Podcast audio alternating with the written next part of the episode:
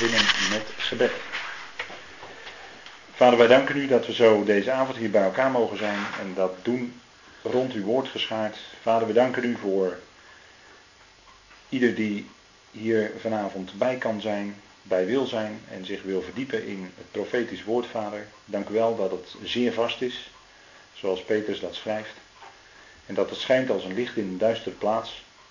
We danken u dat het ons verlicht, dat het ons laat zien wat de toekomst is zoals u die heeft laten opschrijven door profeten. En vader, en het wonderlijk is dat die profeten hun eigen profetieën nazochten. Wat de tijd betreft, wat hun Messias betreft, de Heer Jezus Christus. Vader, dank u wel dat we daar ook vanavond bij stil mogen staan.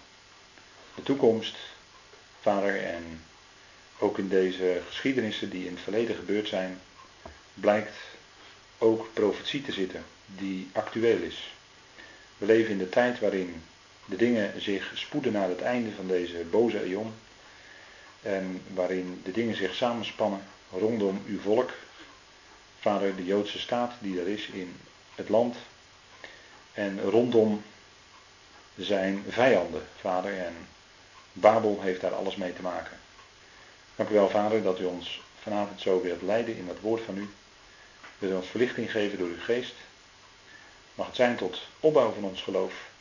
Mag ons meer bekend maken, bovenal over wie u bent. En mag het daardoor ook zijn tot eer en verheerlijking van uw naam.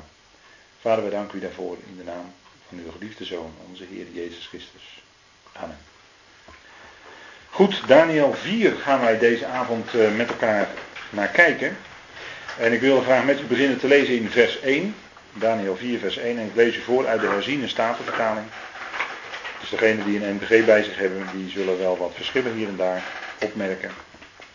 Maar uiteindelijk zullen we wel gaan kijken wat de tekst te zeggen heeft. En er staat boven de tweede droom van Nebukadnezar. En het wonderlijke is dat hij dit hoofdstuk zelf geschreven lijkt te hebben. Koning Nebukadnezar aan alle volken, naties en talen die op de hele aarde wonen, mogen uw vrede toenemen. Het behaagt mij de tekenen en wonderen die de Allerhoogste God aan mij gedaan heeft te kennen te geven. Hoe groot zijn zijn tekenen en hoe machtig zijn wonderen. Zijn koninkrijk is een eeuwig koninkrijk en zijn heerschappij is van generatie op generatie. Ik, Nebukadnezar, leefde zorgeloos in mijn huis en in welstand in mijn paleis. Ik zag echter een droom die mij bevreesd maakte. En de gedachten die ik op mijn bed kreeg en de visioenen die mij voor ogen kwamen, verschrikten mij. Daarom werd er mij bevel gegeven al de wijzen van Babel bij mij te brengen, opdat ze mij de uitleg van de droom zouden laten weten. Toen traden de magiërs, de bezweerders, de galdeën en de toekomstvoorspellers binnen en ik vertelde de droom in hun tegenwoordigheid, maar ze konden mij de uitleg ervan niet laten weten. Totdat tenslotte Daniel, zijn naam is Belshazzar, naar de naam van mijn God, bij mij binnentrad, in wie ook de geest van de heilige goden is. En ik vertelde in tegenwoordigheid van hem de droom. Belshazzar, hoofd van de magiërs, aangezien ik weet dat de geest van de heilige goden in u is, en dat geen enkele verborgenheid voor u te moeilijk is, vertel mij de visioenen van mijn droom, die ik gezien heb, te weten de uitleg ervan. De visioenen nu die mij op mijn bed voor ogen kwamen, waren deze. Ik keek toe en zie, een boom, midden op de aarde. Groot was zijn hoogte, de boom werd groot en sterk, zijn hoogte reikte tot de hemel en hij was te zien tot aan het einde van heel de aarde. Zijn loof was prachtig en zijn vruchten waren talrijk. Er zat voedsel aan voor allen. Onder hem vonden de dieren van het veld schaduw en de vogels in de lucht verbleven in zijn takken. Alle vlees werd door hem gevoed. In de visioenen die mij op mijn bed voor ogen kwamen, keek ik toe en zie een wachter, namelijk een heilige, daalde neer uit de hemel. En riep met kracht en zei het volgende: Hou die boom om, kap zijn takken, stroop zijn loof af, verstrooi zijn vruchten, zodat de dieren er van onder wegvluchten. En de vogels van zijn takken, maar laat de stam met zijn wortels in de aarde en wel in ijzeren en bronzen band, in het jonge gras van het veld. Laat hem bevochtigd worden door de dauw van de hemel. En laat zijn deel samen met de dieren in het gras van de aarde zijn.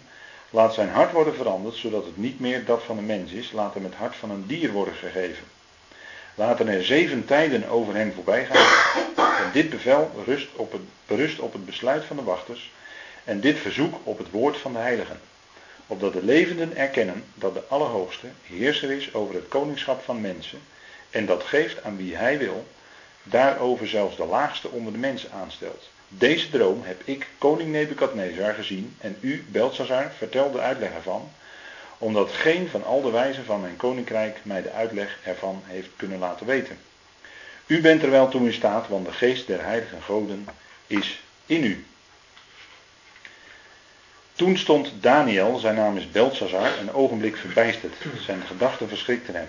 De koning antwoordde en zei: Belshazzar, laat de droom en de uitleg ervan u niet verschrikken. Belshazzar antwoordde en zei: Mijn heer, mogen de droom overkomen wie u haten en de uitleg ervan uw tegenstanders. De boom die u gezien hebt, hij was groot en sterk geworden, zijn hoogte reikte tot aan de hemel en hij was te zien over heel de aarde. Zijn loof was prachtig en zijn vruchten talrijk, er zat voedsel aan voor allen. De dieren van het veld verbleven eronder en de vogels in de lucht nestelden in zijn takken. Dat bent u, o koning, u die groot en sterk bent geworden. Want uw grootheid is zo toegenomen dat zij rijkt tot de hemel en uw heerschappij tot het einde van de aarde. Dat nu de koning een wachter, namelijk een heilige, heeft zien neerdalen uit de hemel, die zei: Houd deze boom om, vernietig hem, maar laat de stam met zijn wortels in de aarde en wel in een ijzeren en bronzen band in het jonge gras van het veld. Laat hem bevochtigd worden door de dauw van de hemel en laat zijn deel met de dieren van het veld zijn, totdat er zeven tijden over hem voorbij zijn gegaan. Dit is de uitleg, o koning, en het is een besluit van de Allerhoogste dat mijn Heer de koning overkomt. Men zal u namelijk uit de mensen verstoten en u zult verblijf hebben bij de dieren van het veld. Men zal u gras te eten geven, zoals runderen, en u zult bevochtigd worden door de dauw van de hemel. Zeven tijden zullen over u voorbij gaan, totdat u erkent dat de Allerhoogste heerser is over het koningschap van de mensen en dat geeft aan wie hij wil. Dat er ook gezegd is dat men de stam met de wortels van de boom moest laten staan. Uw koningschap zal bestendig zijn nadat u erkend zult hebben dat de God van de hemel de heerser is. Daarom, o koning, laat mijn raad u welgevallig zijn. Breek met uw zonden door gerechtigheid en met uw ongerechtigheden door genade te bewijzen aan de ellendigen. Misschien zal er dan verlenging van uw voorspoed zijn. Dit alles overkwam koning Nebukadnezar. Even tot zover. Het is een uh, lang hoofdstuk, maar dat is uh, een beetje gebruikelijk in het boek Daniel. En het is een hoofdstuk waar nou niet zo vaak over uh, gesproken wordt. En niet zo vaak over nagedacht wordt. Het is op zich wel een bekende geschiedenis, maar ik zou me zo kunnen voorstellen dat u zegt van nou, ik heb deze geschiedenis wel op de zonneschool ooit gehoord, maar daarna is het, wat mij betreft, ernstig stilgebleven over dit gebeuren. En het is ook niet zo'n makkelijk hoofdstuk. Meestal uh, richten ook uitleggers van de profetie zich meer op uh, met name hoofdstuk 2. Hè, dat, dat, beeld met dat gouden hoofd en, uh, enzovoorts. Hè. En hoofdstuk 7, dus over die dieren. En hoofdstuk 8, waar we de vorige keer bij stil hebben gestaan. Die geitenbok, hè, waarvan we zagen dat het een beeld is van Griekenland, die met grote snelheid, Alexander de Grote, over de aarde ging en een wereldrijk oprichtte met als centrum, dat was ook de bedoeling van Alexander de Grote, Babel. En hij overleed daar op 33-jarige leeftijd plotseling. Men zegt dan dat daar, uh, ja, men heeft er allerlei gedachten over.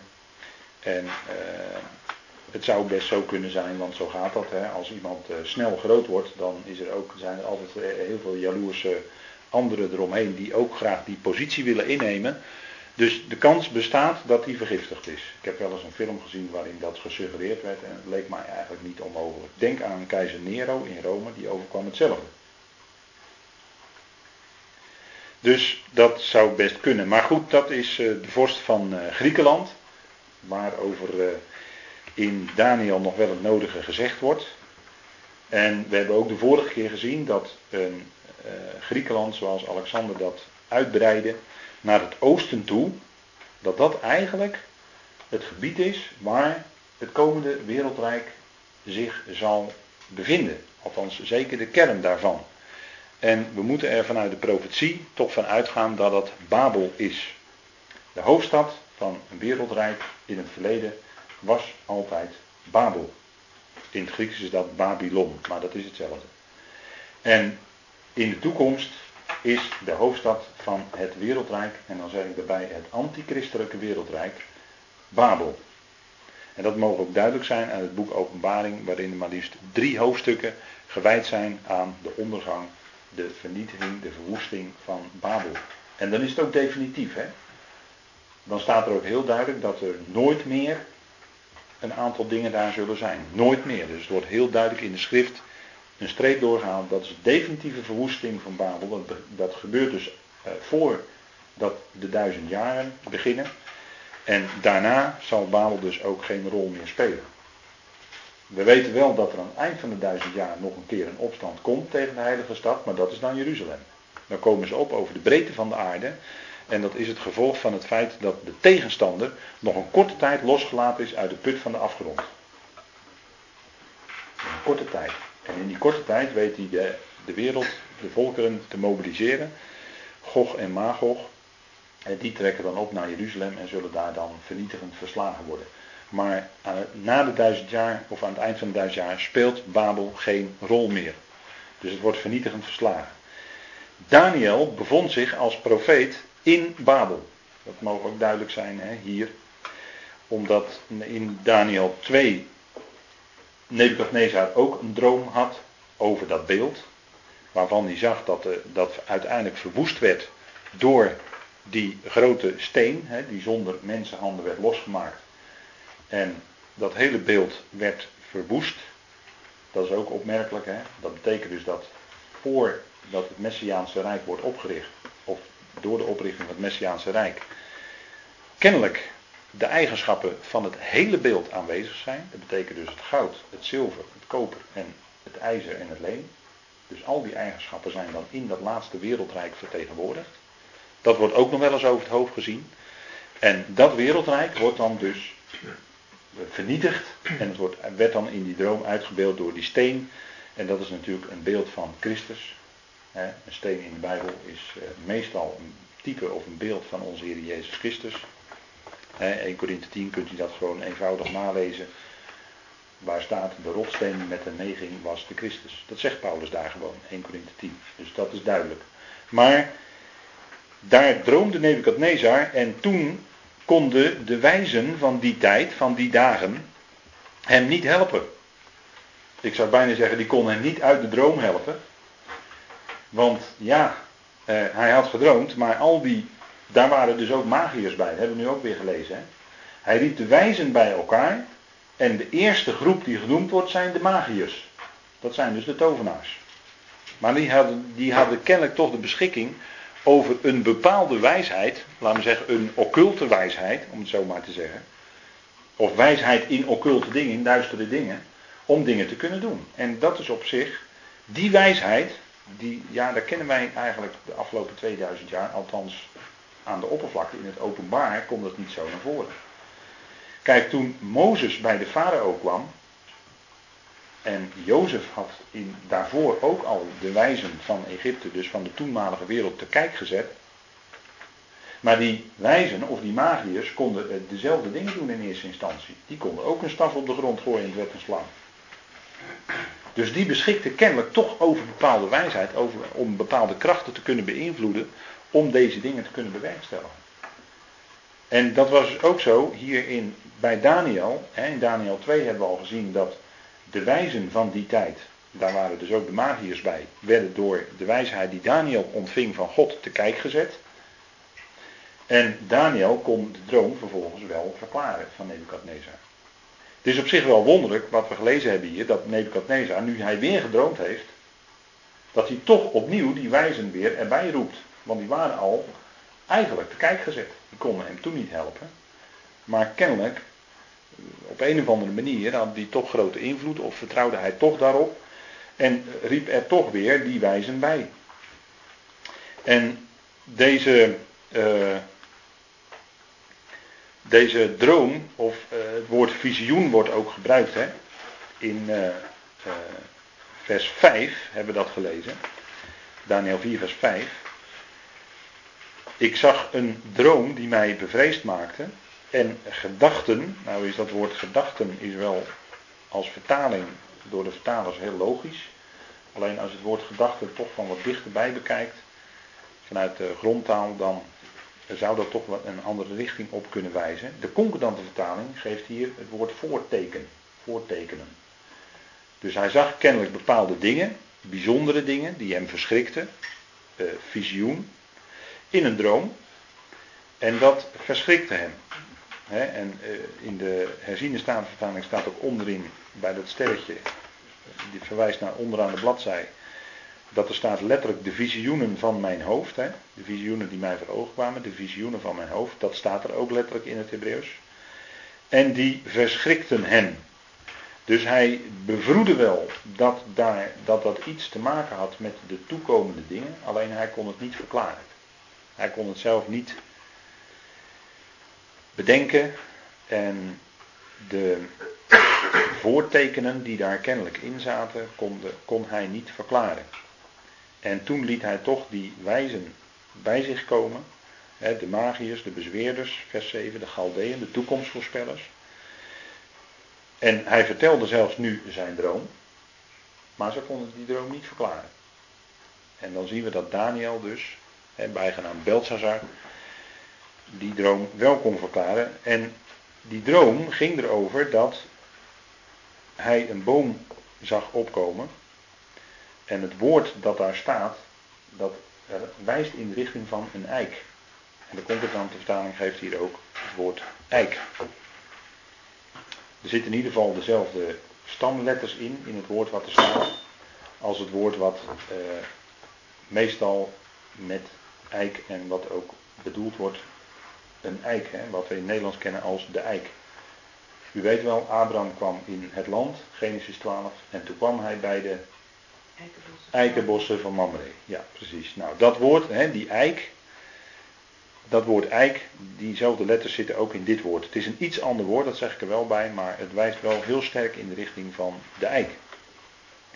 Dat duidt natuurlijk op in ieder geval kracht en zekerheid. Het was midden op de aarde. Dus die boom die groeide midden op de aarde. Ook daarvan zouden we als oplettende bijbellezer iets kunnen vermoeden. Want in Genesis, ja, welke boom stond er eigenlijk in het midden van de hof? De hof van Eden, dat was zeg maar de eerste vorm van een koninkrijk op aarde, zou je kunnen zeggen, met Adam als koning. En welke boom stond nu in het midden van de hof? De boom van kennis van goed en kwaad. Ja, de boom van kennis van goed en kwaad. Maar of het was de boom des levens. Of het was een boom des levens. Dus in het midden, maar er wordt dus ook daarna nadrukkelijk gezegd, in het midden van de hof. Dus vanuit het midden is kennelijk, heeft kennelijk iets te maken met heerschappij. Kennelijk. En dat geldt eigenlijk ook als je de wereldkaart ziet. Want als je kijkt op het midden van de aarde, welk land ligt daar? De naam van de aarde, Israël. En van, waaruit zal de heerschappij over de hele aarde zijn? Vanuit Jeruzalem, hè? dat ligt dus in het midden, in het navel van de aarde, zeggen ze dan. Dus dat midden heeft iets te maken met van waaruit de regering is. Groot was zijn hoogte, en dan staat er de boom werd groot en sterk, vers 11, en zijn hoogte reikte tot de hemel, en hij was te zien tot aan het einde van heel de aarde. Dus die boom werd ook heel hoog. En hij was ook te zien tot het uiterste van de aarde. Dus natuurlijk, ik weet wel, dat is natuurlijk een droom.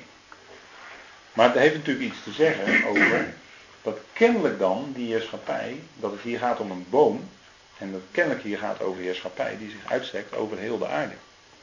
En dat had Nebukadnezar toch wel iets moeten zeggen, want Nebukadnezar was eigenlijk de eerste grote wereldvorst, wereldleider. En daarmee, en hij had zijn troon, hij had zijn uh, centrum van heerschappij in Babel. En daarmee sloot hij aan bij Nimrod. Want Nimrod had het beginsel van het koninkrijk en dat had alles te maken met Babel en de toren die daar gebouwd werd. Dus dat is ook iets hoogs, hè? iets wat hoog opkomt, een toren. Wat van onderuit naar boven opkomt, net als een boom. Dus die, en die toren werd afgebroken. En nu is het wonderlijke dat die boom in deze geschiedenis wordt omgehakt. Dus torens die vallen dan om, die worden dan omvergestoten. Als, als beeld, uitbeelding van het feit dat het koninkrijk omvergeworpen wordt. Deze boom wordt omgehakt. Dat wil dus zeggen, de boom die de heerschappij uitbeeldt over deze aarde, wordt omgehakt. Dat wil zeggen, er gaat iets gebeuren.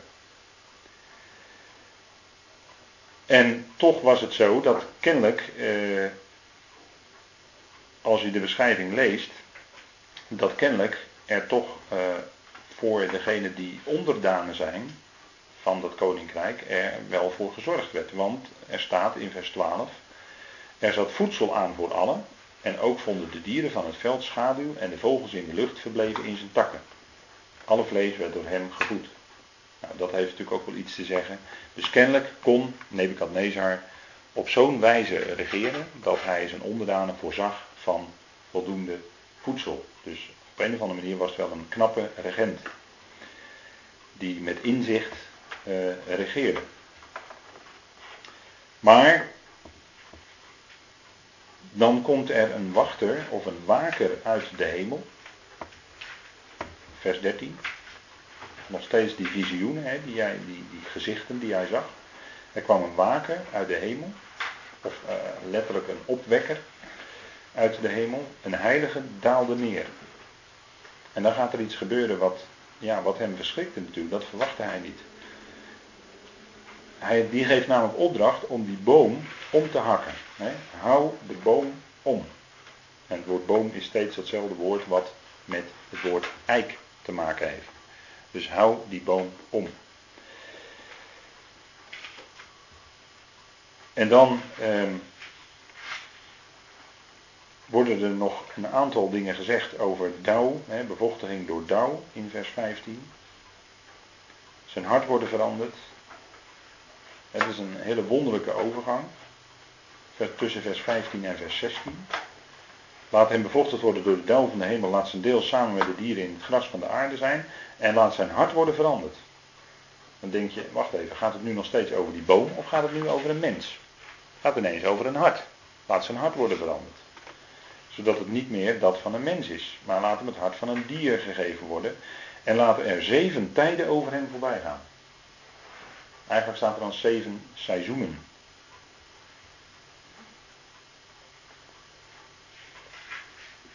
Er wordt, een wat, uh, er wordt hier een wat onbepaald woord gebruikt in het Hebreeuws. Maar wat te maken heeft met een bepaald, een bepaald seizoen. Een bepaalde periode van een jaar. Daar kan het mogelijk op wijzen.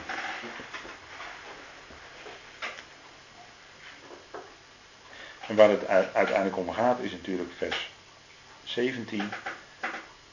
Dat dit gebeurt opdat de levenden erkennen dat de Allerhoogste heerser is over het koningschap van mensen. En dat geeft aan wie hij wil. En daarover zelfs de laagste onder de mensen aanstelt. Dus daar ging het uiteindelijk om. Dat men de Allerhoogste gaat erkennen als de heerser over alles. En dat hij het is die koningen aan en afstelt. In feite. En dan uh, krijgt Daniel het woord. En die zegt dan in de uitleg. Want dat maakt het voor ons eigenlijk heel makkelijk. Daniel kon dus zeggen wat de droom is. En in vers 22 geeft hij de uitleg. Waar wijst die boom op? Nou, hij zegt, dat bent u, o koning, u die groot en sterk bent geworden. En dat doet ons toch heel sterk denken aan Daniel 2, waar Daniel tegen Nebukadnezar zegt, u bent dat gouden hoofd. En in feite is er hier hetzelfde aan de orde.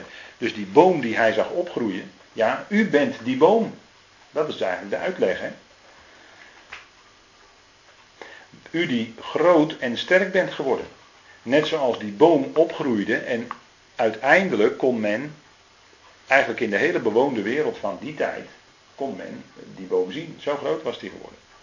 Want uw grootheid is zo toegenomen dat zij rijkt tot de hemel en uw heerschappij rijkt tot de einde van de aarde. Ziet u? Dat is de verklaring die Daniel geeft van deze droom. Dus het heeft helemaal te maken met Nebukadnezar en zijn heerschappij over de aarde. En dan in vers 23 geeft, uh, gaat de uitleg verder, in vers 24, sorry. Dat, er een, dat die waker dus, dat die wachter of die opwekker naar beneden is gekomen uit de hemel. Betekent, zegt Daniel, dat het een besluit is van de Allerhoogste dat mijn Heer de Koning overkomt. En men zal u namelijk uit de mensen verstoten. U zult verblijf hebben bij de dieren in het veld. dat, dat, dat is natuurlijk die plotselinge overgang die we net gezien hebben in vers 16. Het gaat over die boom, maar ineens wordt er gesproken over zijn hart. Dus dan gaat het over een mens. En dat is wat Daniel hier toelicht. Dan zegt hij dat hij verstoten zal worden en dat hij als de dieren zou worden. Zoals hij zou gras eten, zoals het aan runderen wordt gegeven en zal bevochtigd worden door de dauw van de hemel.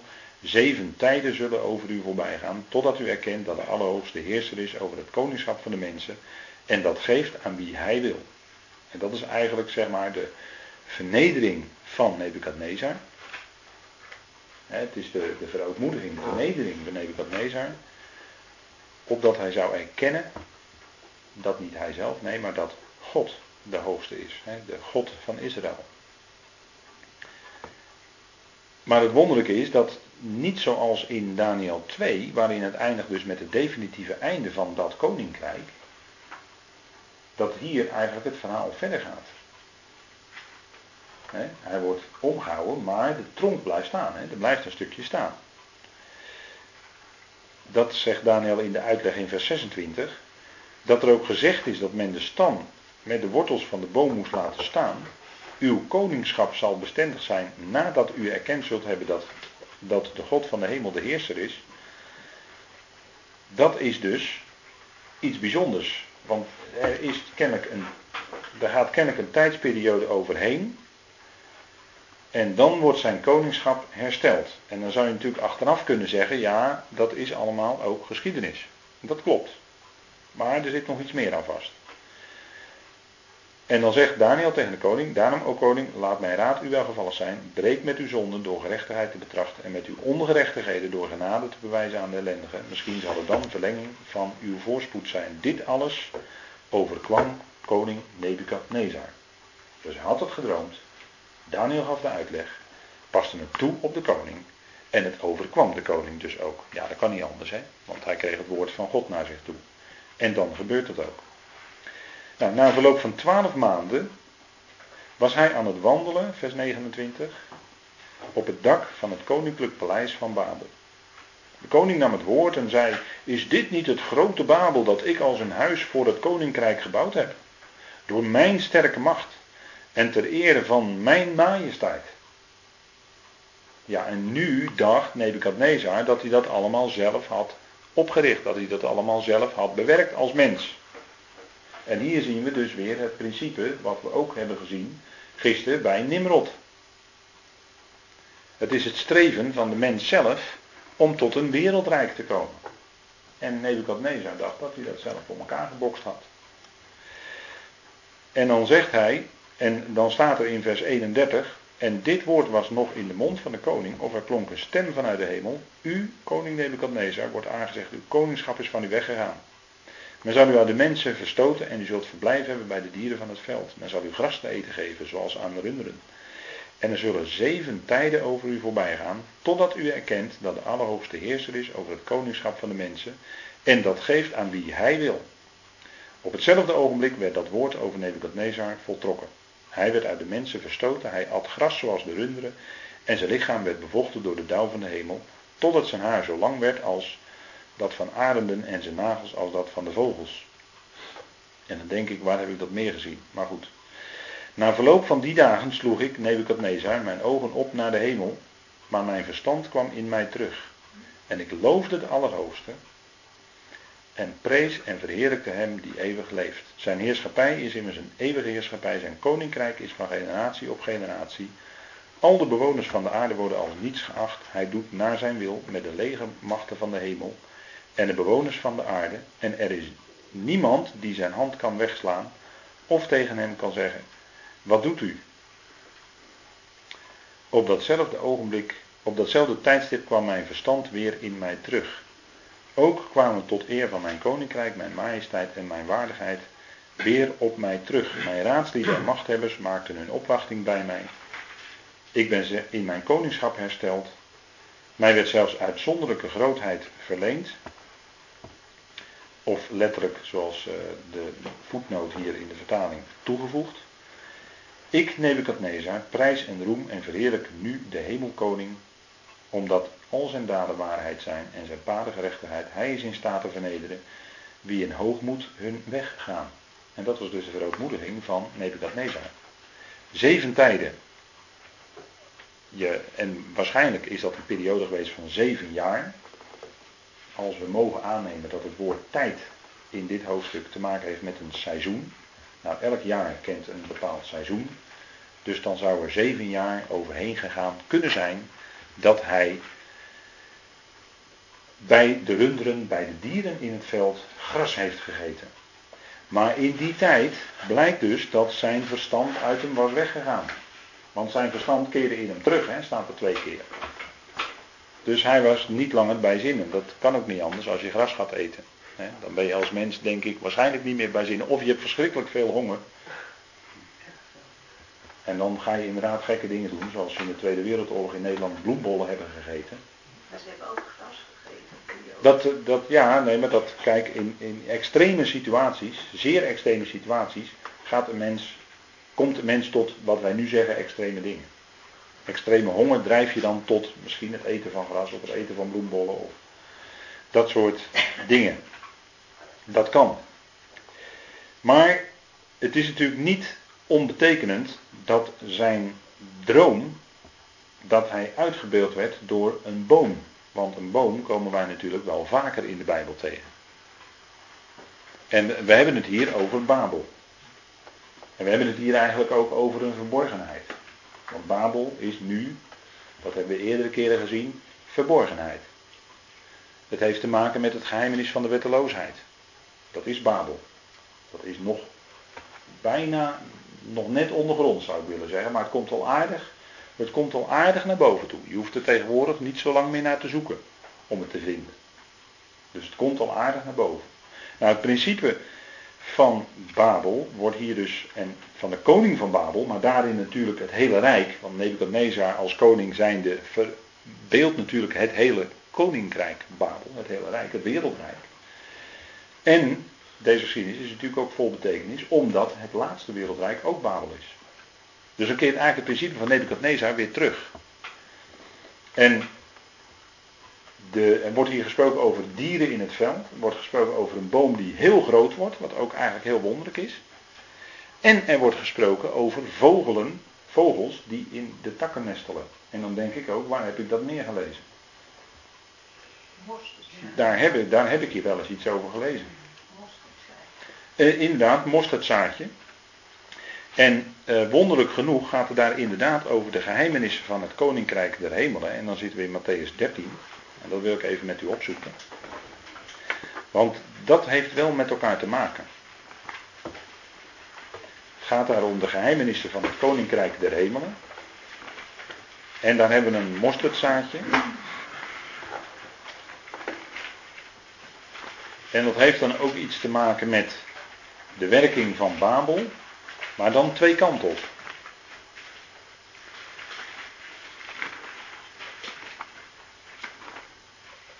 En dat hebben we ook al in de vorige keren gezien. We, we, zullen steeds vaker zien dat de dingen in elkaar grijpen.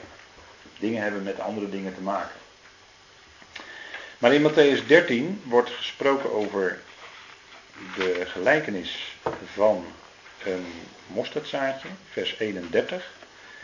Een andere gelijkenis hield hij hun voor. En hij zei: Het koninkrijk der hemelen is gelijk aan een mosterdzaad dat iemand nam en in zijn akker zaaide. Dit is wel het kleinste van al de zaden, maar als het opgegroeid is, is het het grootste van de tuingewassen. En het wordt een boom, zodat de vogels in de lucht een nest komen maken in zijn takken. Dus een hele korte gelijkenis. Wordt, wordt later niet verklaard wat het is. Maar we weten wel uit de eerdere uh, gelijkenis die al geweest is in Matthäus 13. En u moet zich uh, bedenken dat een gelijkenis, uh, dat is u misschien ooit wel eens verteld, tenminste mij wel, dat een gelijkenis iets zou zijn om iets te verklaren. Dat is niet zo. Een gelijkenis spreekt de Heer Jezus uit om iets te verbergen. Want hij moest het aan de discipelen uitleggen. En dan zeg je, ja, hoe weet je dat nou? Uh,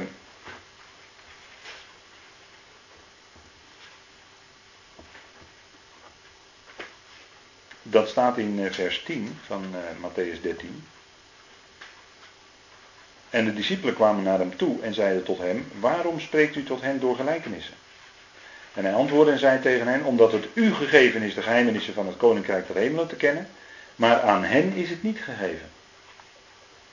Want wie heeft, aan hem zal gegeven worden, en hij zal overvloedig hebben, maar wie niet heeft, van hem zal afgenomen, zelfs, van hem zal afgenomen worden, zelfs wat hij heeft. Daarom spreek ik tot hen door gelijkenissen, omdat ze niet zien, ook al zien zij, en niet horen, ook al horen zij, en ook niet begrijpen. En in hen wordt de profetie van Jezaja vervuld, die zegt, met het gehoor zult u horen, maar beslist niet begrijpen, en ziende zult u zien, maar beslist niet opmerken. Dus de Heer Jezus vertelde deze gelijkenissen, omdat ze niet zagen. Ze, ja, ze zagen wel, maar ze zagen niet. Ze hoorden wel, maar ze begrepen het niet. En daarom deed hij dit bewust, want zelfs de discipelen kwamen naar hem toe en die vroegen naar de verklaring van de gelijkenis. Dus die begrepen het niet. Dus hij deed dat heel bewust. Om dingen te verbergen. Dat gaat ook hier om verborgenheden. Het gaat hier om geheimenissen van het koninkrijk. Hè? Verborgenheden. Dus hier spreekt de Heer Jezus dan in vers 31 en 32 over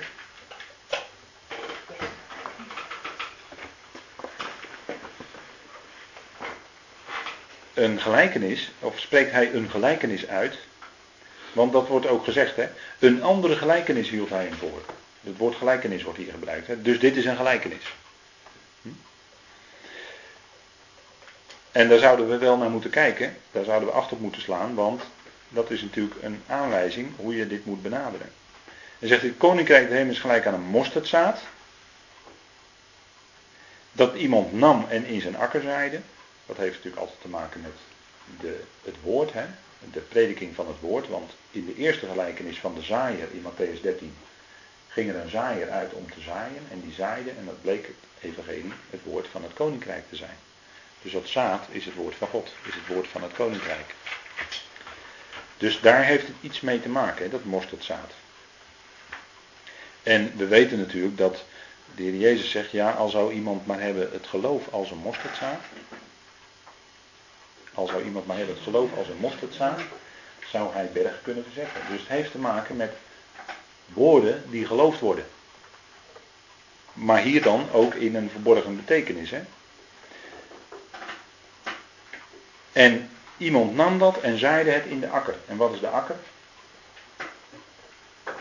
De akker is de, de, akker is de wereld. Hè? Dat is hiervoor ook verklaard. Hè? De akker is de wereld.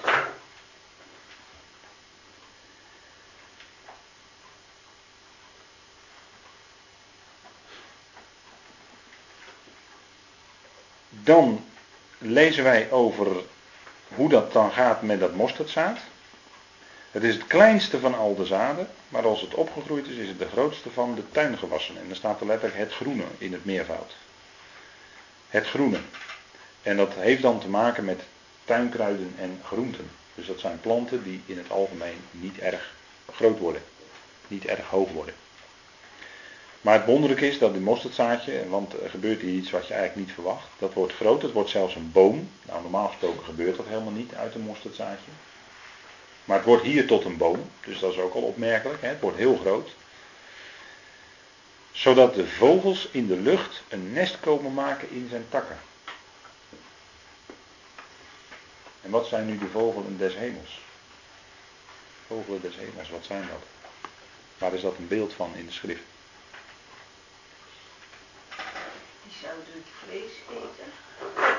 Ja, de vogelen des hemels. Stuurt. Stuurt. Vogelen des hemels, waar staat dat voor? Geen krachten en machten.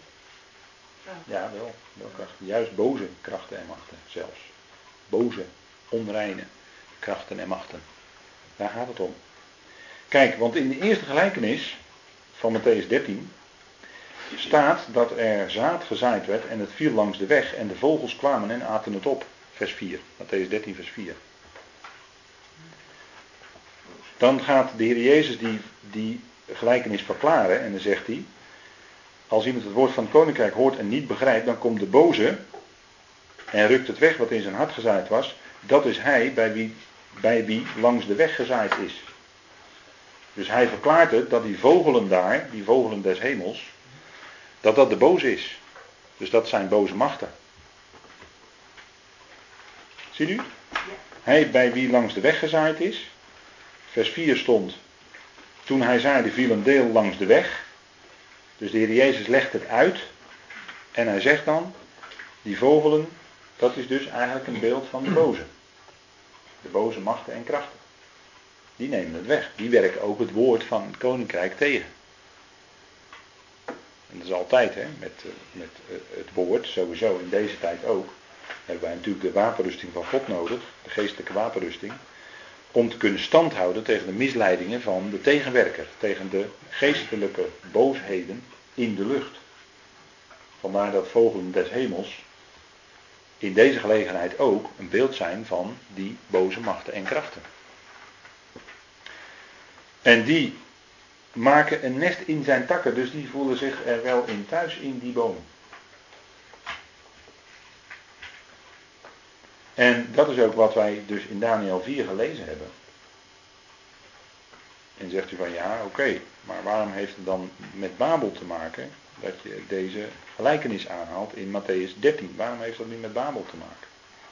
Nou, omdat het op, op het eind, als we de doortrekken naar de openbaring, dan zien we dat daar ook van die machten gesproken wordt. Hè? Laat maar even lezen in openbaring 18.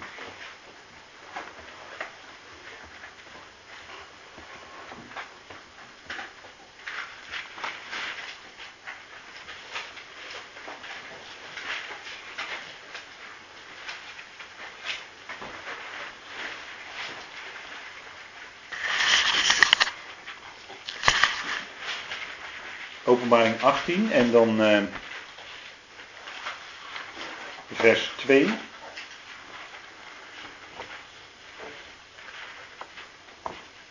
Dan gaat het dus over de val van Babylon. Nou, vers 1 is misschien ook wel mooi om te lezen hierbij, want dat doet je direct denken aan Daniel 4. Hierna zag ik een andere engel neerdalen uit de hemel. En wat kwam er in Daniel 4? Er kwam een wachter uit de hemel. Hè? Een hemelse macht dus. Die ook, nou in dat geval dan het opmaken van de boom aankondigde. En hier spreekt die boodschapper uit de hemel eigenlijk hetzelfde. Hij had grote macht en de aarde werd verlicht door zijn heerlijkheid. En hij riep met krachtige stem, zij is gevallen, zij is gevallen, het grote Babylon, een woonplaats van demonen geworden. Een schuilplaats voor allerlei onreine geesten en een schuilplaats voor allerlei onreine en weerzinwekkende vogels. Ziet u dat hier die vogels in één adem genoemd worden met demonen en onreine geesten? En dan, dan ligt het toch erg voor de hand, lijkt mij, dat die vogelen des hemels in Matthäus 13, want die namen al eerder in Matthäus 13 dat zaad weg, wat langs de weg gezaaid was. En dat was, had dus te maken met de boze. En als het dan vervolgens gaat om die boom in Matthäus 13, vers 31 en 32, die mosterdzaad die tot een boom was gegroeid. En daar komen vogels in, die nestelen zich daarin, dan lijkt het voor de hand te liggen dat daarmee hetzelfde beeld wordt bedoeld. En dat je dus die lijn van Babel kan doortrekken. Het heeft te maken met de gelijkenissen van het Koninkrijk der Hemelen. Die zullen een grote rol spelen in de tijd die onmiddellijk voorafgaat aan de vestiging van het Koninkrijk. Dus dan zal er iets snel opkomen. Dus het evangelie van het koninkrijk zal dan ook in snelheid over de aarde gaan. En zal dan enorm tegengewerkt worden door die vijandige geestelijke machten. Want de boze weet dat hij nog maar weinig tijd heeft. Hè? In openbaring 12 staat dat hij op de aarde wordt geworpen. En dan weet hij, openbaring 12, dan weet hij dat hij nog maar weinig tijd heeft. Dus dan zal hij al zijn machten mobiliseren. Juist tegen de verkondiging van het evangelie van het koninkrijk. En die most, dat mosterdzaadje dat dan snel opkomt. Ja, dat is natuurlijk de snelle prediking, opkomst van het evangelie van het koninkrijk. Mosterdzaad, en zaad heeft te maken met het woord en met geloof. Die combinatie hebben we net ook gezien. Kijk, dit zijn lijnen. Hè, het lijkt alsof ik grote stappen zet, maar dit zijn lijnen die dus, dat zijn dus begrippen. Dit zijn lijnen die hebben met elkaar te maken. Dit zijn dingen die hebben met elkaar te maken in de schrift, dat is een lijn. En zo lopen er talloze van dit soort lijnen natuurlijk. Dus het gaat erom dat het omhakken van die boom, dat is natuurlijk toch een prelude, een uh, eerste aankondiging van dat uiteindelijk Babel ook ten onder zal gaan. Vernietigd zal worden. En dat doet, wie doet dat? De God des hemels, natuurlijk de allerhoogste God. Want die stelt in feite koningen aan en af. En dan zien we dus dat die gelijkenis in Matthäus 13, alleen daar moet je dus wel naar zoeken van, ja wacht even, het is een gelijkenis. Dat betekent dus dat die woorden worden wel gebruikt, maar er wordt iets bedoeld met die woorden. Er ligt iets onder die woorden verborgen, wat de ware betekenis is. En daar moet je altijd zo dicht mogelijk in de buurt gaan kijken, waar heeft het mee te maken. Nou, we vinden dus vanuit uh, Matthäus 13 uh, vanzelf het antwoord. Hè?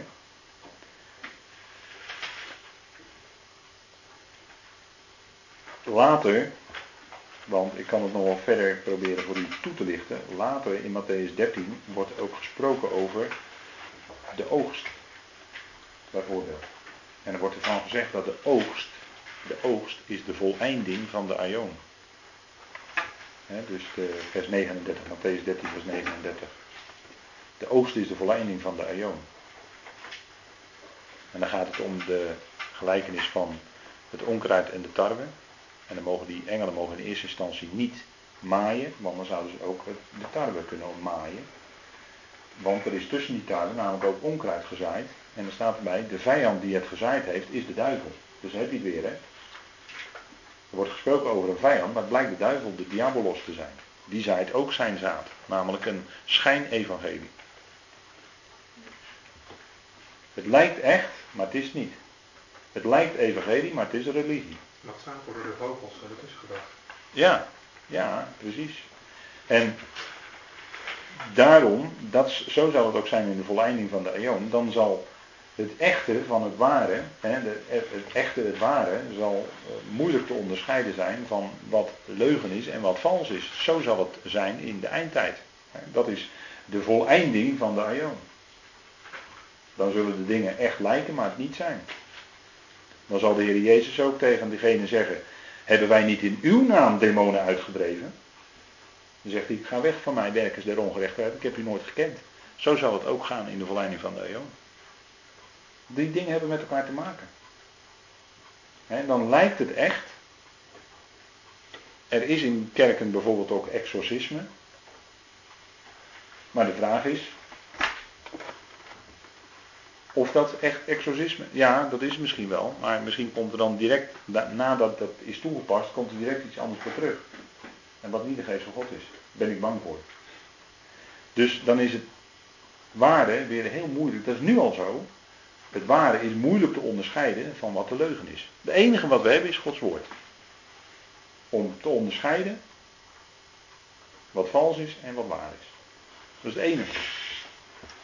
Dus Daarom, en zo zal het dus ook zijn in de eindtijd, dat dus die gelijkenissen, die lopen dus uit op de oogst.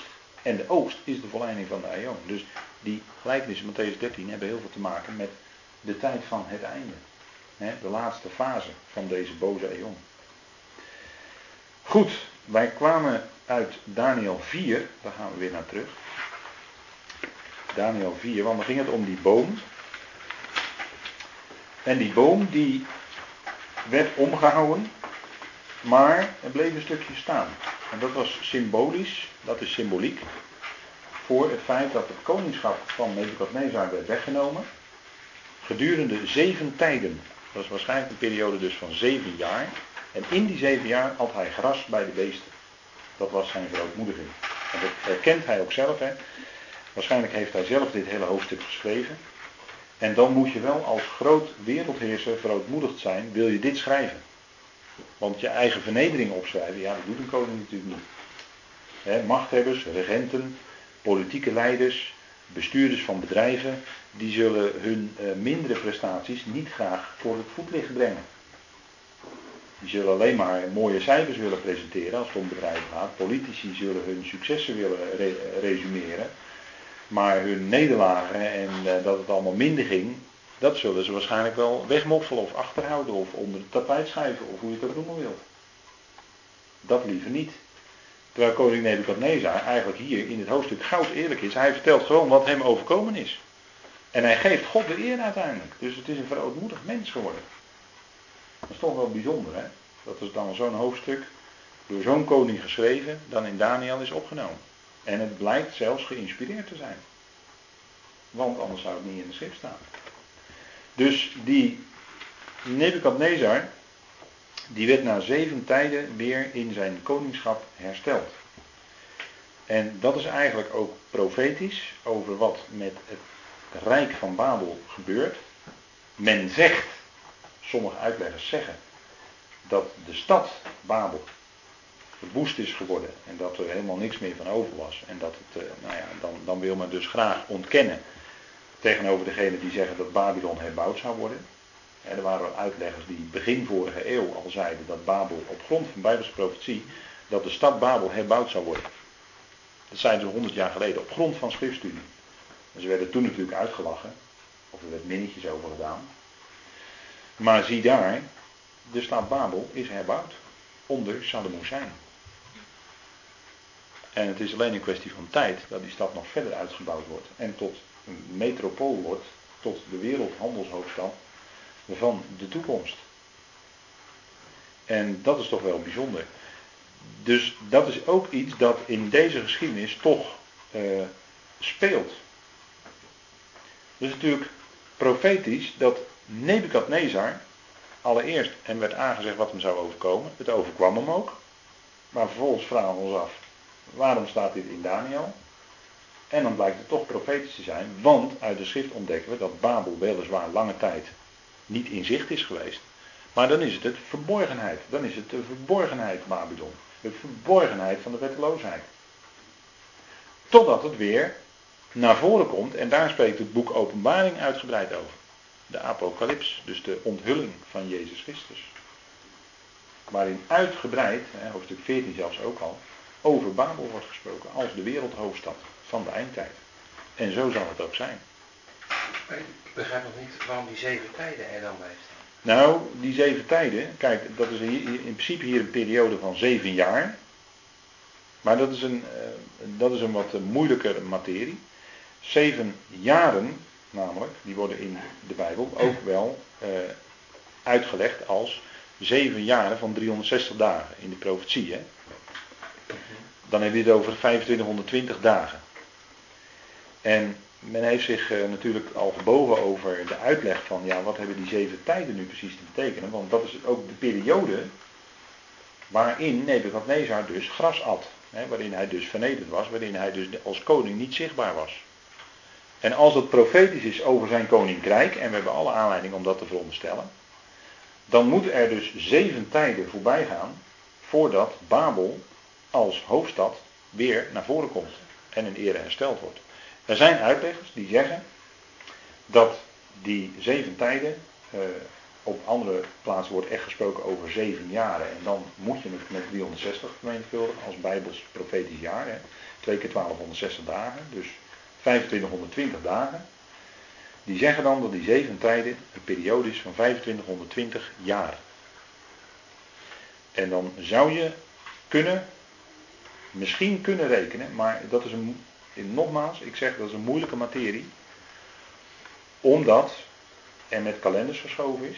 Eh, sowieso het geboortejaar van de Heer Jezus is al heel moeilijk.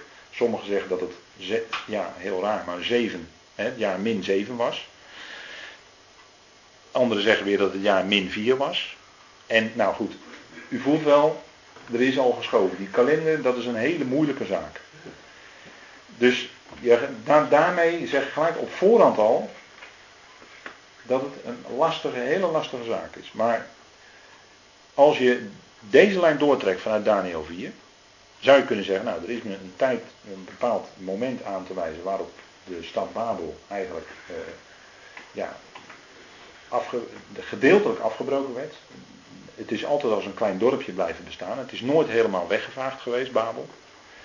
Maar het is op een gegeven moment wel minder geworden en eh, mensen zijn eruit weggetrokken en noem maar op. Het, eh, het was dan een heel klein plaatsje. Nou, je zou misschien een periode in de geschiedenis aan kunnen wijzen waarop dat zich voltrok. Dan heb ik het al dus over een periode.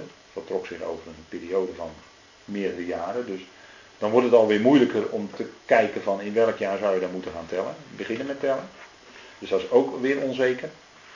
Maar dan zou je vanaf dat moment een periode kunnen tellen van 2520 jaar. En daarna zou Babel dan dus hersteld worden als hoofdstad. Dat zou kunnen, dat is een mogelijkheid. Maar dan ga je dus van dagen naar jaren over. Nee, want er wordt hier gesproken over zeven tijden. Ja, maar als je over 2520 dagen hebt en je Ja. vervolgens speel je het in met 2520 jaar. Nee, Dan kijk, is één dag is nee zeven ik, jaar. ik zei, er is ook een voorbeeld in Daniel 9 van die jaarweken. Waarin het heel erg duidelijk wordt dat een periode van een jaarweek zeven jaren omvat. Mhm. En die laatste jaarweek die wordt verdeeld in twee periodes van 1260 dagen. Dat is heel duidelijk. Dat in 42 maanden, eh, tijdtijden en een halve tijd, dat, dat is allemaal, daar is geen verschil van mening bij uitleggers over. Dat is heel duidelijk. Dus dan heb je het echt over een jaarweek, dat is echt zeven jaar, van 360 dagen. Maar hier wordt gesproken over zeven tijden. Hier wordt het woord jaar niet gebruikt in het Hebreeuws. Nee, maar een tijd is een jaar. Ja. jaar. Ja, dat is de toepassing op Nebukadnezar zelf. Ja. Hoe lang hij gras heeft gegeten. Mhm. Maar Niettemin, niettemin, ja, niettemin wordt er toch een onbepaald woord gebruikt. Het Hebreeuwse woord ot.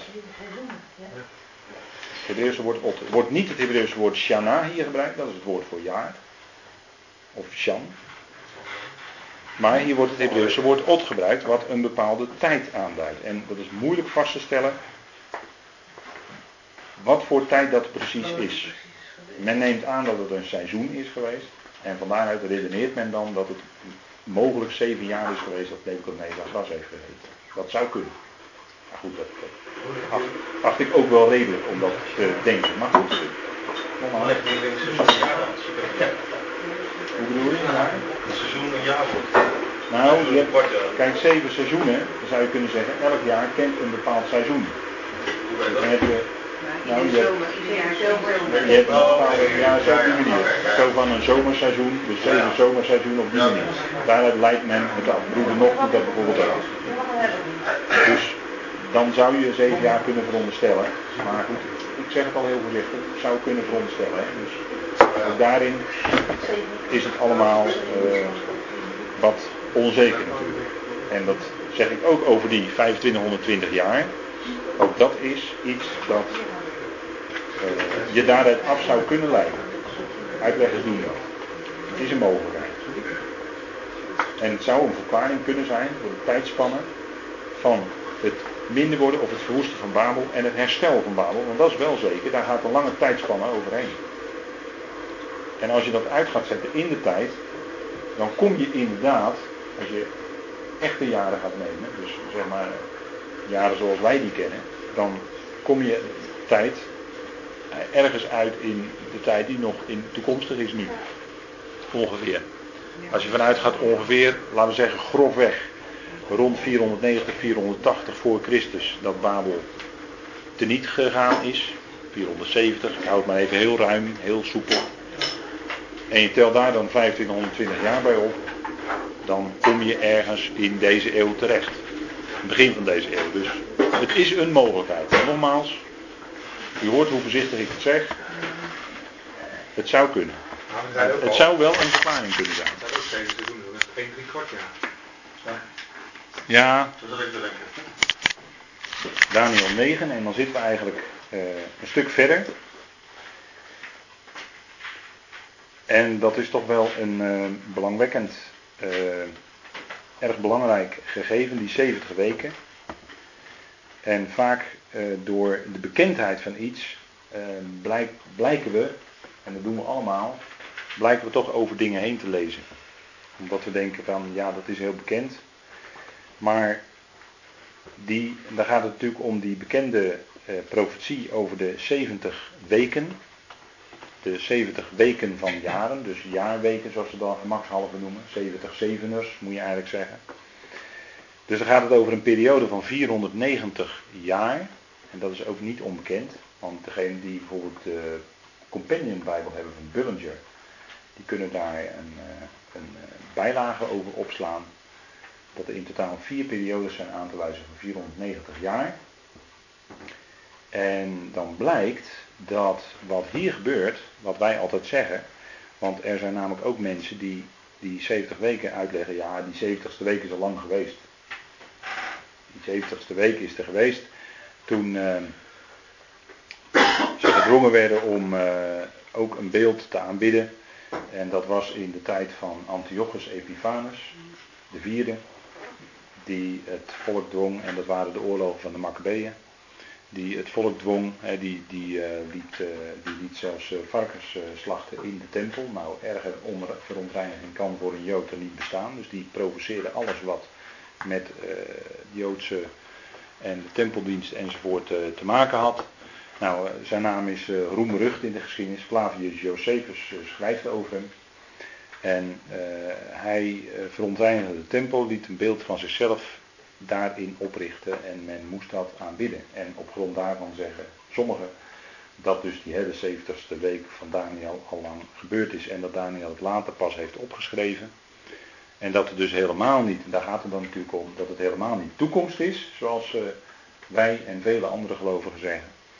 Maar dat het al in het verleden gebeurd is. Alleen, er ontbreekt een half jaar. Want die periode van verdrukking, waar, want het Joodse volk is toen heel erg verdrukt geworden, absoluut. Heel erg, en het leek er ook heel erg op. Maar het was een soort Haman, hè, die Antiochus Epiphanes. Een soort Haman. Een soort voorafschaduwing van de echte wetteloze. En die verdrukking die over het volk kwam, was namelijk drie jaar. Het was geen drieënhalf jaar. En we moeten toch heel nauwkeurig blijven bij wat de schrift zelf zegt. En dan gaat het om een periode van verdrukking van 1260 dagen. En dat zijn in feite al, zou je toch kunnen zeggen, ingekorte dagen. Want als het langer zou duren, zou er mogelijk geen vlees behouden worden, zegt de Heer Jezus. Hè? Grote druk over de uitverkorenen, dat is Israël, grote verdrukking. En die duurt 1260 dagen. Oftewel, nou, de Joodse telling gerekend, 360 dagen is een jaar. Is precies 3,5 jaar. Die periode wordt ook genoemd 42 maanden. En die wordt ook genoemd in Daniel tijd, tijden en een halve tijd. Nou, dat is eh, aardig onomstreden. Daar zijn toch eh, heel veel uitleggers het wel over eens. Dus daar hoeven denk ik niet zoveel aan, uh, ja, aan, aan nader te bestuderen. Omdat het gewoon duidelijk is. Een duidelijke zaak. 70 weken staat er dan in Daniel 9 vers 24. En dan is er dus een enorme sprong gemaakt, dat wil ik eigenlijk gaan zeggen. Dat is een enorme sprong gemaakt tussen de 69ste week, want die eindigde toen, laten we zeggen, de Heer Jezus Jeruzalem binnenging als het lam op de 10e Nisan. En hij werd gekruisigd op de 14e Nisan, precies volgens, de, volgens Leviticus, zoals het ook moest. En volgens Exodus trouwens al, Exodus 12 wordt natuurlijk de eerste keer al gesproken bij de uittocht uit Egypte, dat het moest gebeuren op de tiende van de zevende maand. Maar dat werd bij die gelegenheid gemaakt tot de eerste maand. Dus het was de tiende Nisan, dat werd tot de eerste maand gemaakt, hè? dat weten we. Dus je hebt ook al een verspringing van een half jaar. Is soms ook niet onbelangrijk hoor, als je dat weet. Maar toen eindigde de 69ste jaarweek van waar Daniel over spreekt in Daniel 9, vers 24 tot en met 27.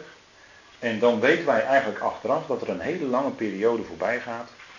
En dat die 70ste jaarweek, 70ste jaarweek nog steeds toekomst is. Dat die nog niet voorbij is. Maar dat die nog gaat komen, helemaal. Daar is nog niks van, die is ook nog niet ingegaan.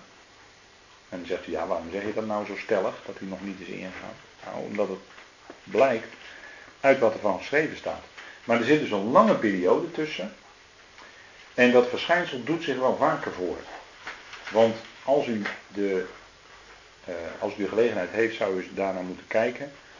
Ik weet niet of dit in het Nederlands ook beschikbaar is, maar van Bullinger is er een studie over. Dat er vier periodes zijn aan te wijzen van 490 jaar. En één periode van 490 jaar speelt zich onder andere af in het boek Richteren.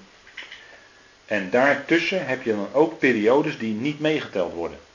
Omdat men toen deed wat in eigen ogen goed was. En men de Heer niet diende. En die periodes worden dan als het ware in mindeling gebracht op de telling. En dan blijkt je uiteindelijk, na het einde van zo'n cyclus, uit te komen op 490 jaar. Dus daar heb je eigenlijk hetzelfde verschijnsel. Dat er periodes gewoon tussenuit wegvallen. Omdat men daarin de Heer niet dient. En dat is dan ook precies uh, het geval als het gaat om het volk Israël. Of het Joodse volk moet ik eigenlijk, als ik nog nauwkeuriger word, moet ik dat zeggen. Het Joodse volk. Want de, het Judaïsme als, uh, als, uh, als religie, waar Paulus uit verlost werd, is ontstaan in de Babylonische ballingschap. Want ze zaten aan de stromen van Babel, zegt Psalm 137. En in die periode verlangden ze weer terug naar de honing, de melk van het land wat beloofd was.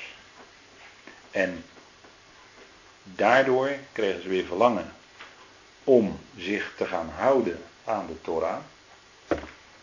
En in die periode, en vanuit dat verlangen, in die ballingschap, is het judaïsme ontstaan. En met het judaïsme bedoel ik dan dat men leeft, ja, men, men zegt te willen leven naar de Torah. Sorry, sorry dat ik het zo zeg. Maar ik bedoel het echt met respect. Maar men leeft eigenlijk meer volgens de Talmud. Een yeshiva is een Talmudschool. In de yeshiva leren ze de Talmud. Dan leren ze wel gedeeltes uit de schrift.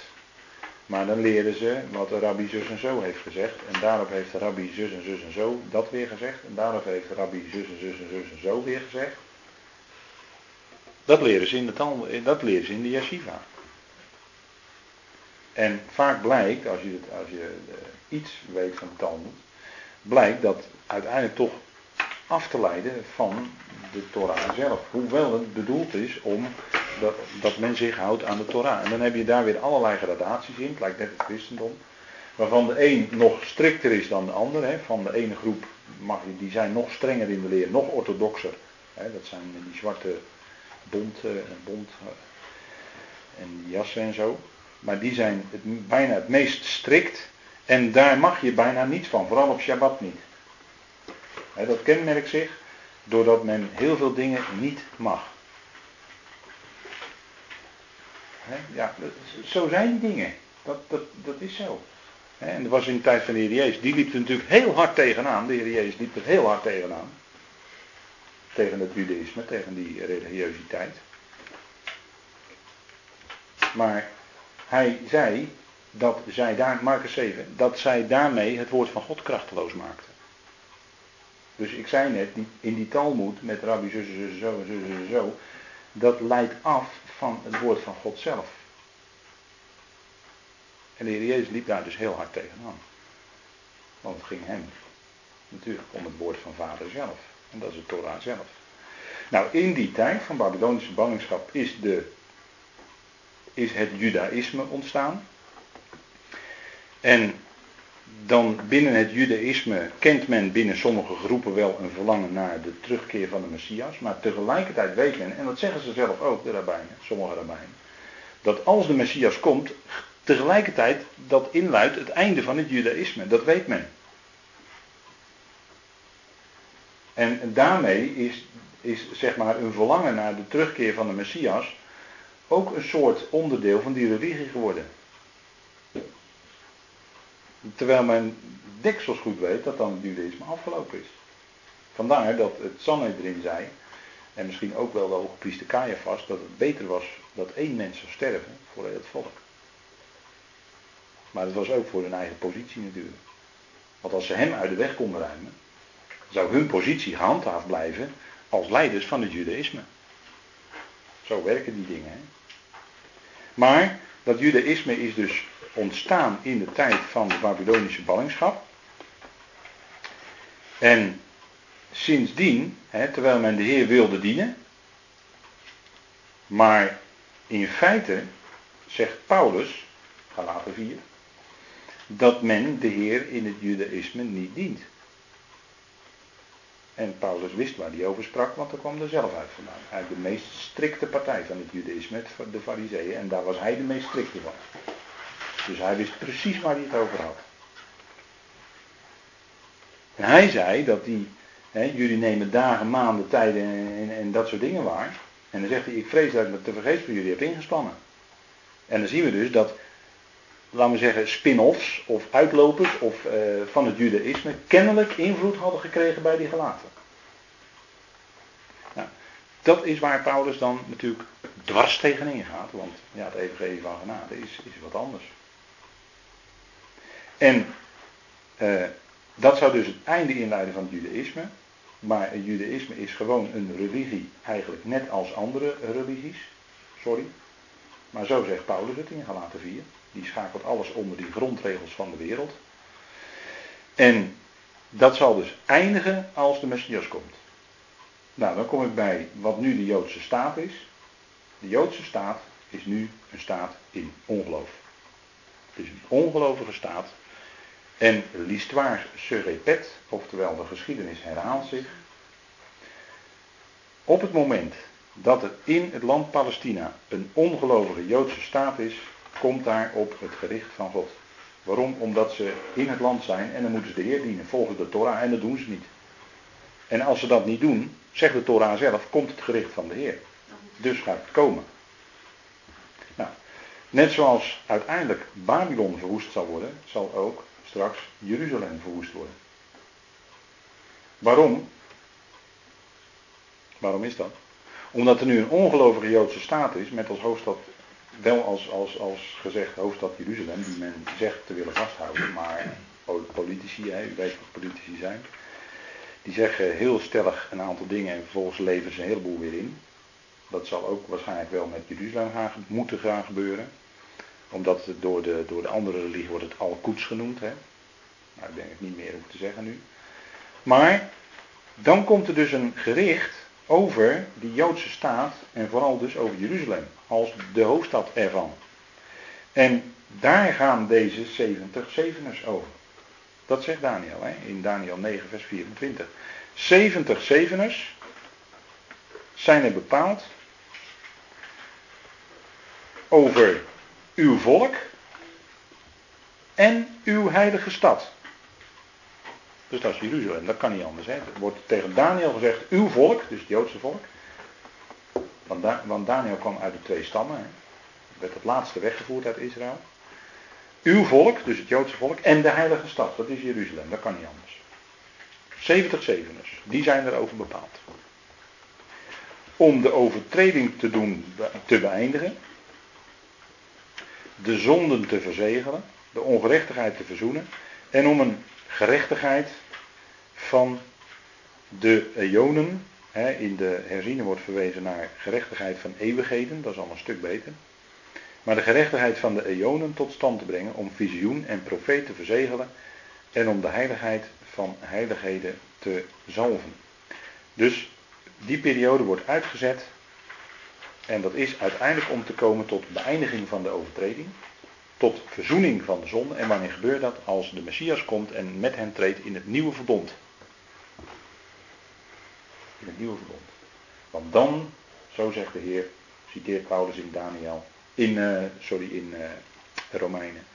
Dan zal de Heer de zonden van, hun, van hen wegnemen. U kunt ook nalezen in Jeremia 31 of in Hebreeën 8 en 9. U kunt het nalezen in andere profetieën die, die daarover gaan. Maar dan treedt hij met hen in het nieuwe verbond. En het nieuwe verbond had hij al eerder met zijn discipelen ingeleid. Hè? Maar dat wordt voor het volk, is dat nog toekomstmuziek. Nou, dan worden die zonden worden beëindigd, ongerechtigheid wordt verzoend. Dus met andere woorden, het ongeloof van het volk wordt dan weggedaan. En hij komt en zij komen tot geloof. Ze zullen in geloof de Messias verwelkomen. En dan zal hij zijn voeten zetten op de olijfberg. En het is ter gelegenheid van de verwoesting van Jeruzalem. Want Jeruzalem zal nog een keer verwoest worden. En daarom, eh, kijk, ik, ik begrijp het heel erg goed. En mensen die citeren graag een psalm waarin staat dat we bidden om de vrede van Jeruzalem. Psalm 122 is dat meen. Bid om de vrede van Jeruzalem. Maar Daniel zegt hier, Daniel zegt dat het geen vrede zal worden totdat de Messias komt. Dus men kan bidden voor de vrede van Jeruzalem, maar dan zeggen ja, maar er staan ook nog andere dingen in de Bijbel. Die toch een bepaalde richting uitwijzen. En eh, omdat de, na de verwoesting van Jeruzalem er pas goed een confrontatie gaat komen tussen de Heer Jezus Christus als, als de Heer van de legermachten, of Yahweh Zeibald enerzijds, en de tegenstander met zijn horden en de volkeren anderzijds, dat het pas na de verwoesting van Jeruzalem zal gaan gebeuren, zal er nog een enorme strijd komen. Want het wereldrijk is nog niet verslagen als Jeruzalem verwoest wordt. Nee, dan begint die strijd pas goed.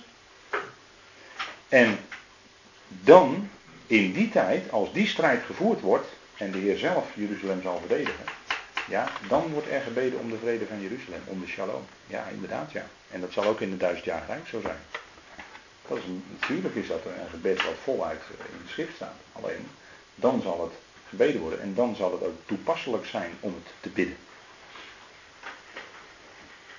En kijk, het wonderlijke is, want kijk, Daniel 9 is een antwoord, of uh, die, die 70 jaarweken zou je kunnen zeggen, is min of meer een antwoord op het gebed van Daniel. Hè? Want Daniel 9 is een heel lang gebed van Daniel, waarin hij ook de zonde van het volk beleidt en zichzelf daar ook bij insluit. Maar als het gaat om Jeremia, want Daniel zag in de profeet Jeremia dat die 70 jaren bijna om waren van ballingschap, daarom ging hij ook bidden.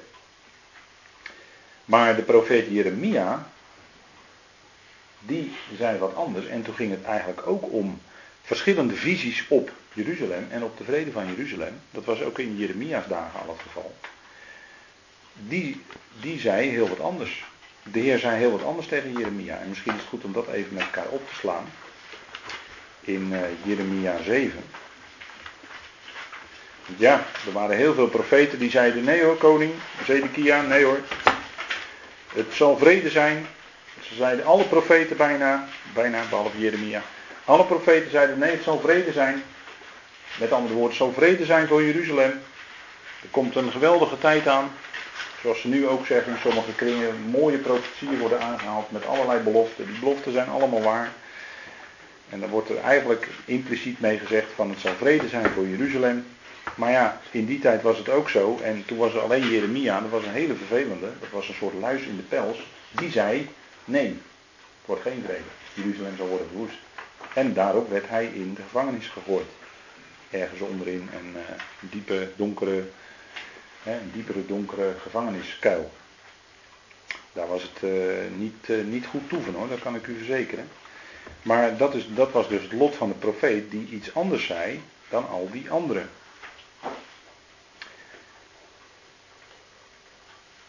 Dan zegt, de dan zegt de tegen uh, Jeremia in uh, Jeremia 7 vers 16 en u bidt niet voor dit volk. Dat is toch wel een hele schokkende uitspraak eigenlijk. Hè? Hef voor hen geen groep of gebed aan. Dring niet bij mij aan, want ik zal niet naar u luisteren. Ziet u niet wat ze doen in de steden van Juda en op de straten van Jeruzalem? De kinderen sprokkelen hout, de vaders steken het vuur aan en de vrouwen kneden deeg om offerkoeken te maken voor de koningin van de hemel. Ze dienden Yahweh niet. Ze dienden andere goden. En het zal ook straks dan gedwongen zijn, als die wetteloos aan de macht is. Dan zullen ze gedwongen zijn om andere goden te aanbidden. Hier ging het om de koningin des hemels. Zij gieten plengoffers uit voor andere goden, zodat zij mij tot toren verwekken. Dus de Heer zei tegen Jeremia, als je voor dit volk wilt bidden, doe het maar niet. Want ik zal niet luisteren. Dat is toch wel een beetje schokkend, hè, dat dit in het woord staat. Maar de Heer zei dat meerdere keren, want als we even doorbladeren naar Jeremia 11, dan zegt de Heer dat nog een keer.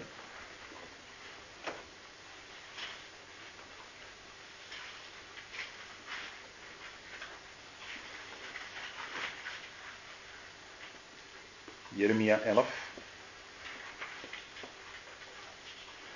vers 13. Immers, het aantal van uw goden is even groot als uw steden geworden, Juda. En u hebt evenveel altaren gemaakt voor die schande als het aantal straten van Jeruzalem. Altaren om reukoffers te brengen aan de Baal. En u, dat zegt de Heer dan tegen Jeremia, bid niet voor dit volk. En hef voor hen geen, en hef voor hen geen geroep of gebed aan, want ik zal niet luisteren op het moment dat zij over hun onheil tot mij roepen. Dus dan is de Heer verontwaardigd over de afgoderij van het volk. Daar zult u geen gesneden beeld maken, geen andere goden voor mijn aangezicht hebben. En dat gebod overtraden ze massaal en systematisch. En zo zal het ook zijn in de eindtijd. En zo is het nu ook, want zij dienen die Heer niet. Ja, er zijn wel enkele die in, nu in het land wonen die de Jezus als hun Messias erkennen. Maar over het grote geheel, ongelovig. Ga er maar heen. Ga maar met ze praten. Zijn heel veel socialisten bij. Is uit de tijd van de pioniers. Het waren toen communisten zelfs. Maar ik zeg nog zachtjes socialisten. Maar dat is het nog steeds. Als je ze tegenkomt. Wij hadden een reisleider in Israël, was ook socialist. je hoeft maar twee, drie dingen tegen te zeggen. Dan kom je het aan de weet hoe die dan reageert. Nou, dus, ik ook gewoon. Ja, we zijn eh, overwegend zijn socialisten. Ja, ja, inderdaad. Ja. Dat was bekend. Dus daar geloven ze de Heer niet. Ze dienen de Heer niet. En zo was het in de tijd van Jeremia. Maar het is precies hetzelfde vandaag. En we kunnen uh, bij wijze van spreken bidden dat het volk Israël tot bekering mag komen. Maar dat zal in deze tijd, nu vandaag, zal dat niet gebeuren. Waarom niet? Omdat het schrift het zegt dat het nu niet gebeurt. En dat, dat is gewoon iets wat we gewoon nuchter kunnen onderkennen. En nou, ik kan het nog wel een keer, hè, want de Heer zegt dat nog een keer tegen Jeremia, in Jeremia 14.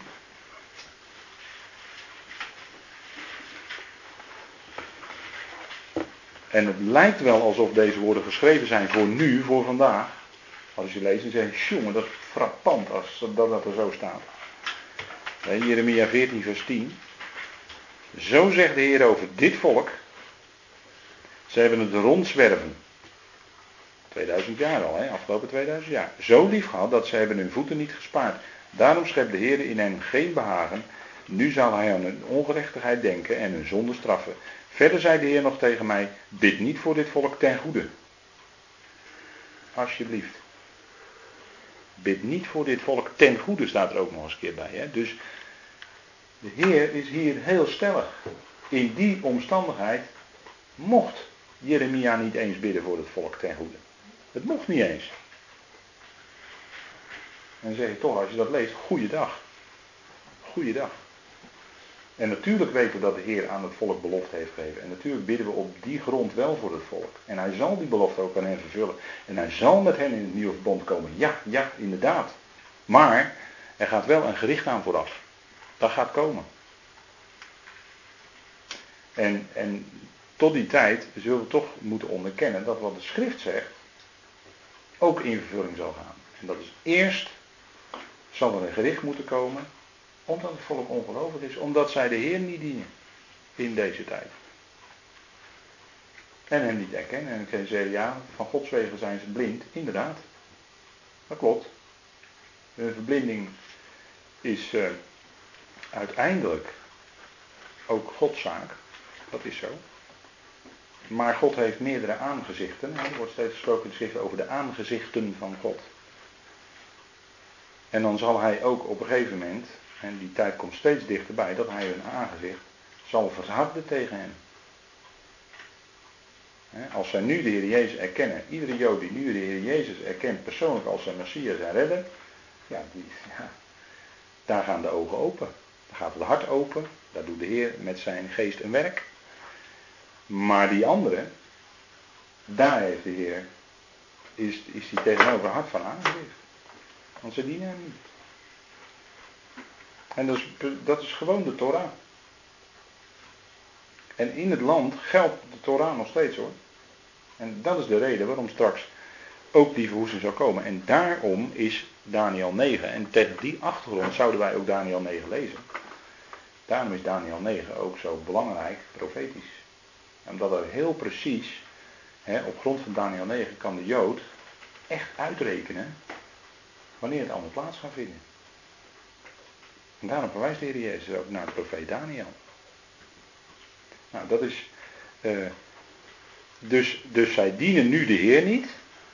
Zij dienen nu de Heer niet. En die ballingschap in Babel zelf was ook het gevolg van het feit dat zij de Heer niet gediend hadden. Nee, want, zij, hielden niet de, zij hielden zich niet aan de inzetting van Leviticus. Dat het land één keer per jaar, of één keer per zeven jaar, een jaar braak moest liggen. En omdat zij dat niet deden, gingen zij in ballingschap. En er werd precies verteld hoeveel jaar dat geweest was. En dat was 70 jaar ballingschap. Dus ze hadden 70 keer zich niet gehouden aan dat sabbatjaar.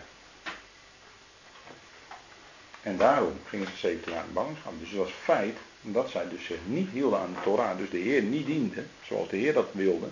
Maar ze gingen gewoon door met bouwen. Daarom waren zij in ballingschap. En daarom zat Daniel daar. En daarom profeteerde Jeremia. Nou, en uiteindelijk kreeg Daniel dan dus die profetie van die 70 jaarweken. En die waren dus bepaald over het volk en de heilige stad. En dan gaan er 69 weken voorbij.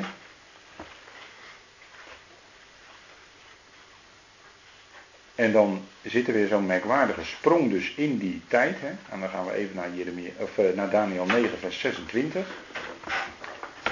En na de 62 weken, hè, dan zijn er dus 7 jaarweken en 62 jaarweken voorbij, dus 69 jaarweken. Zal de Messias uitgeroeid worden, maar het zal niet voor hemzelf zijn. Wat zal niet voor hemzelf zijn? Het koninkrijk. Het koninkrijk der hemel is nabijgekomen, maar de koning werd afgewezen. Hij werd gekruisigd. Bekeert u, want nabij is het koninkrijk der hemelen, zei Johannes de Doper. Bekeert u, want nabij is het koninkrijk der hemelen, zei de Heer Jezus zelf. Maar zij bekeerden zich niet als volk. Dus de Messias werd afgewezen. Hij werd uitgeroeid, hij werd afgesneden. En dat was het einde van die 69 weken. Het zal niet voor hemzelf zijn. Het koninkrijk is niet voor hemzelf. En dan staat er een. En dan weten wij achteraf dat daar een tijdspanne tussen zit. En dan staat er een volk van een vorst dat komen zal, zal de stad en het heiligdom te gronden richten of vertreden. Dus er komt in de eindtijd een vorst en die heeft een volk. En dat volk zal de stad vertreden. Want de profetie gaat over uw volk en uw heilige stad. Dus de stad en het heiligdom waar het dan hier om gaat, dat moet Jeruzalem zijn. Want daar gaat het over in dit stukje. De stad en het heiligdom zal vertreden worden. En dan zal het einde ervan zijn in de overstromende vloed. En tot het einde toe zal er oorlog zijn. Verwoestingen waartoe vast besloten is. Dus tot het einde van die laatste jaarweek zal er een zekere oorlogssituatie zijn. En zullen er verwoestingen zijn. En wat zien wij vandaag in Palestina?